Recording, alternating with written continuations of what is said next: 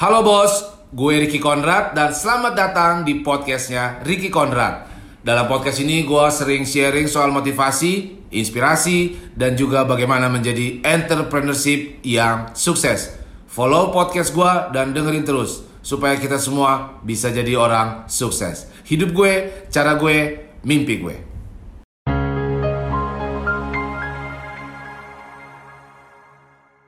Kalau di Jakarta sudah mencapai dua bulan gua PSBB. Buat yang di daerah mungkin banyak yang baru memulai masa PSBB dan gue ingat dulu waktu satu bulan lalu kita mulai-mulai PSBB, gua stres banget bos. Gue pusing, gue stres, gue frustasi apa yang mesti gue lakukan semua terasa gelap. Dalam video ini, gue mau menerangkan bagaimana sikap kita sebaiknya menghadapi kecemasan kita supaya kita nggak stres dan kita tidak murung, sedih yang berlebihan dan kecemasan yang berlebihan. Simak terus video gue. You have your own life. Bullshit lah, lu mengerjakan passion lu. Lu king, lu jago, lu keren. Hidup gue, cara gue, mimpi gue. Halo bos, nama gue Ricky Konrad. Dan dalam channel gue, gue suka berbagi video tentang motivasi dan pengembangan diri dan juga video-video inspiratif. Subscribe channel gue sekarang. Dan jangan lupa nyalain loncengnya supaya lo tetap semangat, tetap berapi-api men- menjalankan hidup lo sesuai dengan gaya lo dengan slogan hidup gue, cara gue, mimpi gue. Dalam krisis sekarang ini kita memasuki bulan keberapa nih kalau di Jakarta bulan kedua saat ini untuk PSBB. Mungkin di daerah-daerah lo baru memulai PSBB dan kecemasannya begitu meningkat. Pertanyaan yang paling sering ada muncul di dalam pikiran kita adalah sampai kapan kayak gini? Apa yang mesti gue lakukan? Gue mampu nggak? Dan impactnya itu sudah terasa. Mungkin dari lo semua ada yang kena PHK, ada yang kena pengurangan gaji, atau yang menjalankan bisnis, ada yang turun omsetnya, uang uang penghasilan lo berkurang sangat drastis. Bahkan kalau di Jakarta bisa di atas 50% bisnisnya turun penjualannya. Sehingga otak kita itu jadi takut, cemas dan khawatir. Bagaimana kita menyikapi ini? Gua mau ceritakan sesuatu hal. Pertama, ganti dulu pertanyaan lu. Ya. Pertanyaan itu diganti jangan sampai kapan ini. So lu, lu harus putuskan fokuslah ke hal yang berbeda. Gue mau cerita, gue mau ambil ilustrasi begini. Ketika kita sedang merencanakan sebuah liburan, katakanlah kita akan liburan ke, ke pantai, let's say Bali. Kita akan ke Bali, berpikir untuk ke Bali.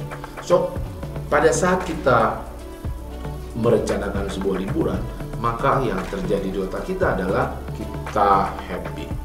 Kita menunggu momen itu tiba, betul? Siapa yang nggak menunggu momen liburan itu tiba?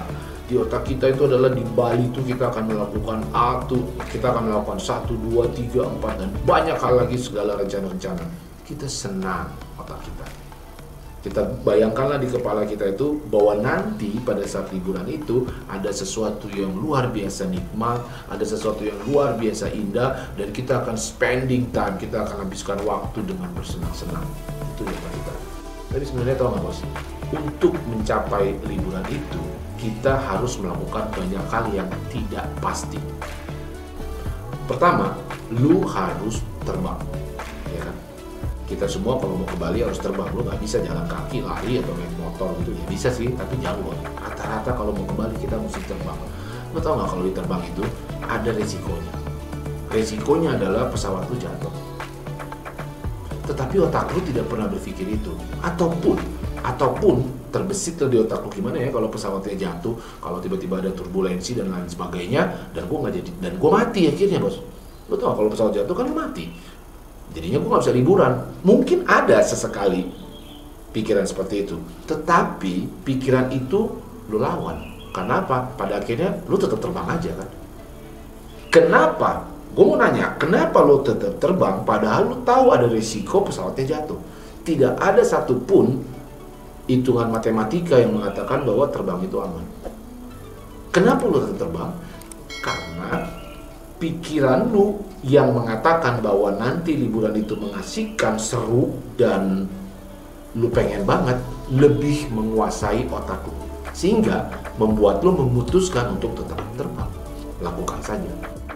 otak lu yang positif itu lebih menguasai pikiran lu sehingga itu membuat lu memutuskan untuk tetap terbang dan tetap lakukan saja. Walaupun ada resiko pesawatnya itu jatuh dan akhirnya berakibat fatal sama liburan lu, ya kan?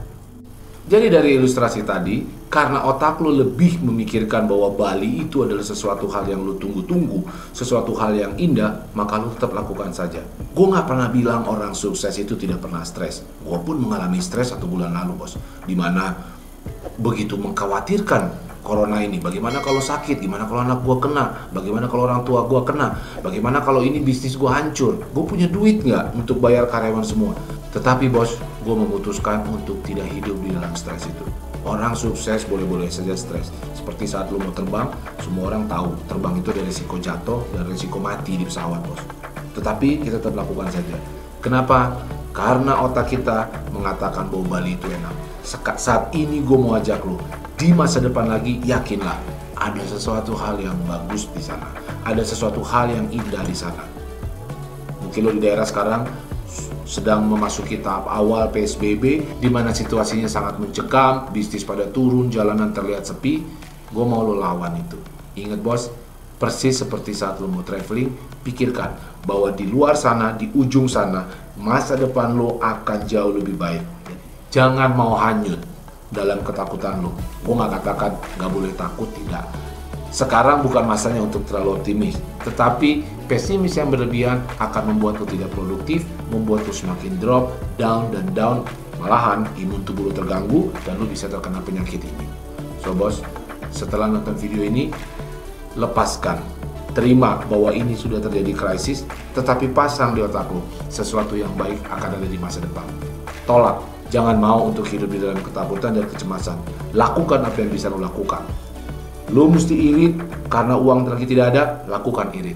Dan belajarlah hal baru. Banyak yang cerita loh di internet bahwa ini terjadi suatu normal yang baru, apa yang mesti lo pelajarin. Sehingga ketika otak lo tetap positif, lo bisa jaga pikiran lo tetap positif, maka aksi-aksi yang positif akan keluar dengan sendirinya. Lu bisa baca di internet, lu bisa belajar dari semua orang apa yang mereka lakukan, apa saran-saran mereka supaya tetap bisa bertahan hidup pada saat ini dan akhirnya kita siap untuk menyambut masa depan kita yang lebih cerah lagi dengan tetap positif dan tetap produktif di masa pandemi ini. Jangan sampai otak lu dikuasai dengan hal-hal negatif. Jadi, stres itu bisa saja menghampiri diri lo, diri gue, dan semua orang pada masa sekarang. Tapi gue dan lo, dan kita semua yakin ada masa depan yang indah menunggu kita di depan. Hidup gue, cara gue, mimpi gue. Thank you.